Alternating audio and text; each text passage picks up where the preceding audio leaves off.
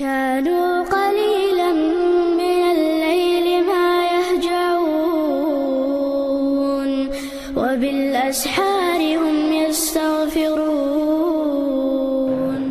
Saudara yang dimuliakan Allah SWT Jadi nanti kalau ada yang nanya Kenapa kau sholat? Aku sholat karena kebutuhan Karena ada orang yang sholat karena keterpaksaan Kenapa kau sholat?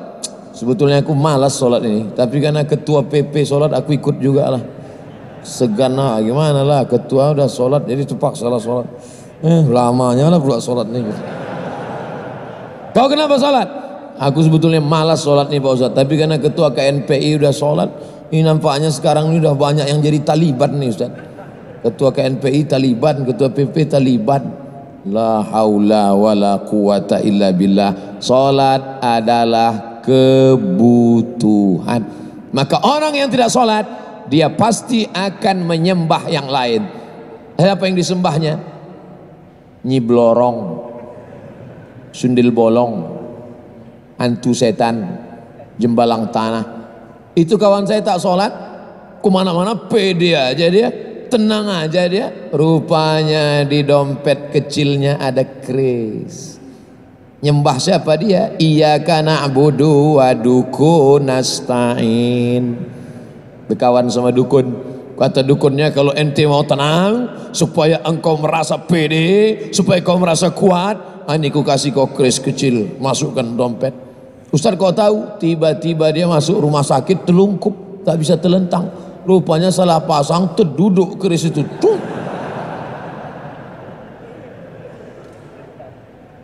Ente kalau mau merasa tenang merasa nyaman anak-anak buah ente takut sama ente ente disegani orang oh ini pakai ini apa ini ini kumis tunggal harimau oh gimana Pak Dukun bisa dapat kumis harimau ini waktu kebakaran hutan kemarin ada harimau mati.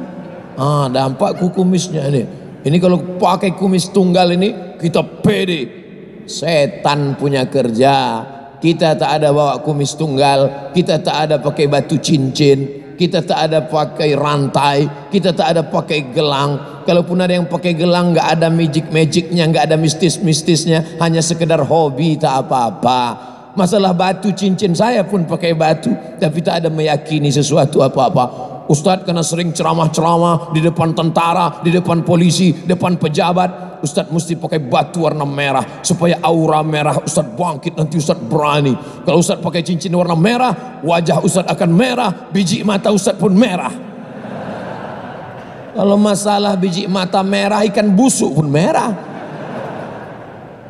Lalu Ustaz berani ceramah di depan PP, di depan KNPI, di depan tentara, di depan polisi. Kekuatan Ustaz itu di mana? La haula wala quwata illa billah. Dalam solat tadi sebelum menghadap Bapak Ibu di sini, saya solat dulu di dalam. Allahu Akbar. Selesai solat, ya Allah, aku akan menghadapi tentara, akan menghadapi polisi, akan menghadapi kalau ansip tak apalah aku sebut ya Allah. Akan menghadapi PP, akan menghadapi KNPI, mereka itu hamba-hamba Engkau ya Allah. Hati mereka dalam genggamanmu ya Allah, maka kuatkan aku ya Allah. La haula wala quwata illa billah. Bismillah tawakkaltu 'ala Allah wa atasamtu billah. Naik ke atas bismillah. Adapun yang aksesoris ini ini tambahan aja. Sebetulnya PD-nya udah ada, cuman dengan pakai jaket KNP ini bertambah PD. Gitu. Takbir. Jaket PP Pak Ustadz, udah. Kartu PP saya dua biji. Satu dari Riau, satu dari Medan, Sumatera Utara. Saudara yang dimuliakan Allah Subhanahu wa taala.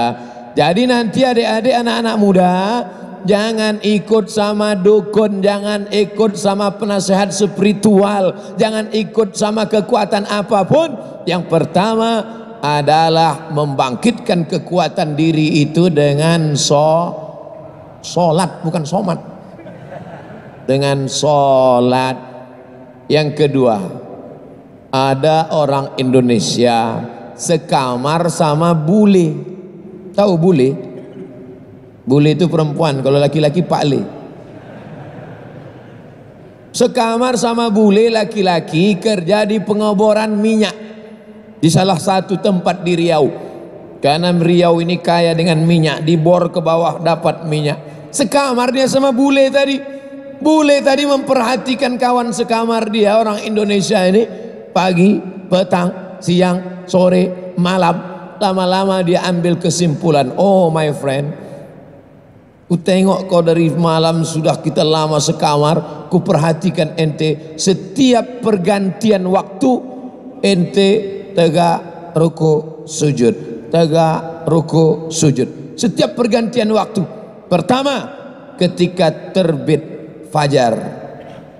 Mulai nampak pergantian waktu, terang di atas ente solat. Lalu kemudian ketika tergelincir matahari, bergeser matahari, engkau tegak lagi. Lalu kemudian ketika tenggelam matahari, engkau tegak lagi. Lalu kemudian ketika nampak merah di barat, engkau tegak lagi. Lalu kemudian ketika malam sempurna, lima kali ente saya perhatikan. Rupanya orang Islam sendiri pun tak memperhatikan waktu sholatnya. Justru orang luar Islam yang memperhatikan rupanya kita ini setiap bergeser waktu dalam 24 jam kita menyembah Allah, mengagungkan Allah, mensyukuri nikmat Allah. Terbit fajar tadi, Allahu Akbar, salat subuh. Nanti tergelincir matahari, Allahu Akbar, salat zuhur. Nanti tenggelam matahari petang sebelum tenggelam sempurnanya, asar, Allahu Akbar. Habis itu nampak merah di ufuk barat, sempurna, Allahu Akbar. Habis itu puncaknya adalah solat isya Tapi ditambah lagi dua waktu sunat Solat duha dan solat tahajud Maka ada tujuh Lima yang wajib Dua yang sunat Kalau ini kita laksanakan Ibarat perjalanan di stasiun-stasiun ini Kita sudah menyembah mengagungkan, memuliakan, mensucikan, mengkonektingkan hati kita dengan Allah Subhanahu wa taala. Tapi rupanya yang memperhatikan bukan kita, yang memperhatikan justru bule orang barat karena kita hanya sudah menjadi rutinitas setiap hari subuh, zuhur, asar, maghrib, isya subuh, zuhur, asar, maghrib, isya tidak boleh waktu bergeser tidak boleh waktu berubah kosong dari Allahu Akbar. Kita sudah laksanakan Alhamdulillah subuh dan bangga kita subuh ini hadir pula pejuang subuh, biker subuhan. Nanti zuhur tak datang. Ente kenapa zuhur tak datang? Ustaz, kan ada tuh sini subuh.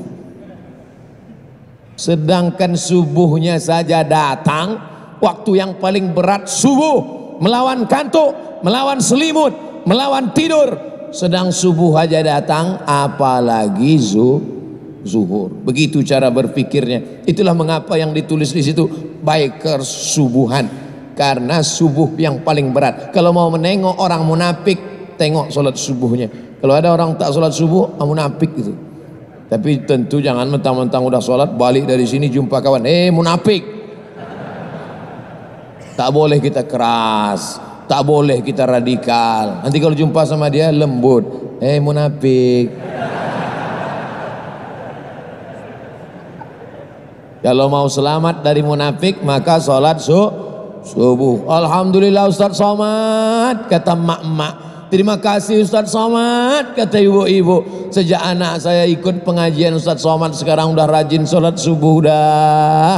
Dulu solatnya bertinggalan sekarang solat subuhnya mantap. Bahkan tidak hanya solat subuh Ustaz Somad. Anak saya itu sekarang udah solat duha. Kemarin saya intip di kamarnya saya tengok dia solat duha. Cuma agak lain pakai kunut Ustaz.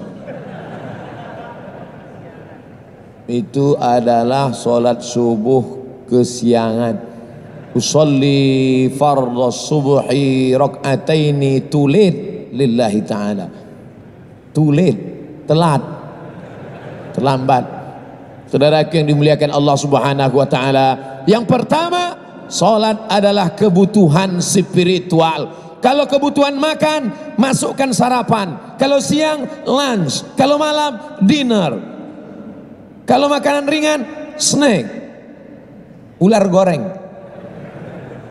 tapi kalau kebutuhan leher teh tarik kopi susu minuman bersoda, tapi ada kebutuhan spiritual, itulah di hati. Andai kita tidak sholat, stres, depresi, tetap ada yang menawarkan. Anda stres, datanglah ke tempat kami.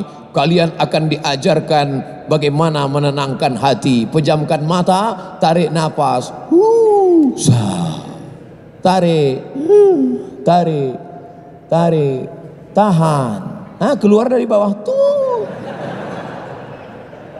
Jangan membuat yang tidak diajarkan Nabi Muhammad sallallahu alaihi wasallam. Salat adalah kebutuhan. Hari ini yang tidak setuju dengan cakap saya, silakan saja. Umur kau nanti panjang dalam kehidupan kau menghadapi macam-macam. Di saat nanti terjadi benturan, di saat nanti terjadi stres, depresi, pergi ke dokter psikolog. Pak dokter, saya sedang stres, masalah saya banyak, masalah perusahaan, masalah kantor, di kantor ditekan atasan, pas mau pulang kena tilang, sampai di rumah ditekan bini, anak-anak saya macam tuyul, macam mana saya ini? Akhirnya dikasih obat tidur, makan obat tidur, tertidur, bangun tidur, datang masalah lagi. Makan lagi obat tidur, tertidur, bangun tidur, datang masalah lagi. Makan obat tidur, lama-lama datang sakit pinggang, stres, depresi, stroke, diabetes meletus, jantung koroner, eh, mati. Kalau hidup cuma untuk tidur, bagus mati. Kalau hidup tidak berani menghadapi tantangan, nanti nampak ada jenazah lewat, ah, ikut. Pas duduk-duduk, nampak aja jenazah-jenazah lewat, ah, ikut. Pak, pak, pak, boleh kami ikut? Ah, ikut, ah, masuklah. Itu apa lama-lama hidup? Life is struggle. Hidup adalah tantangan. Bangkitkan adrenalinmu. Takbir. Jangan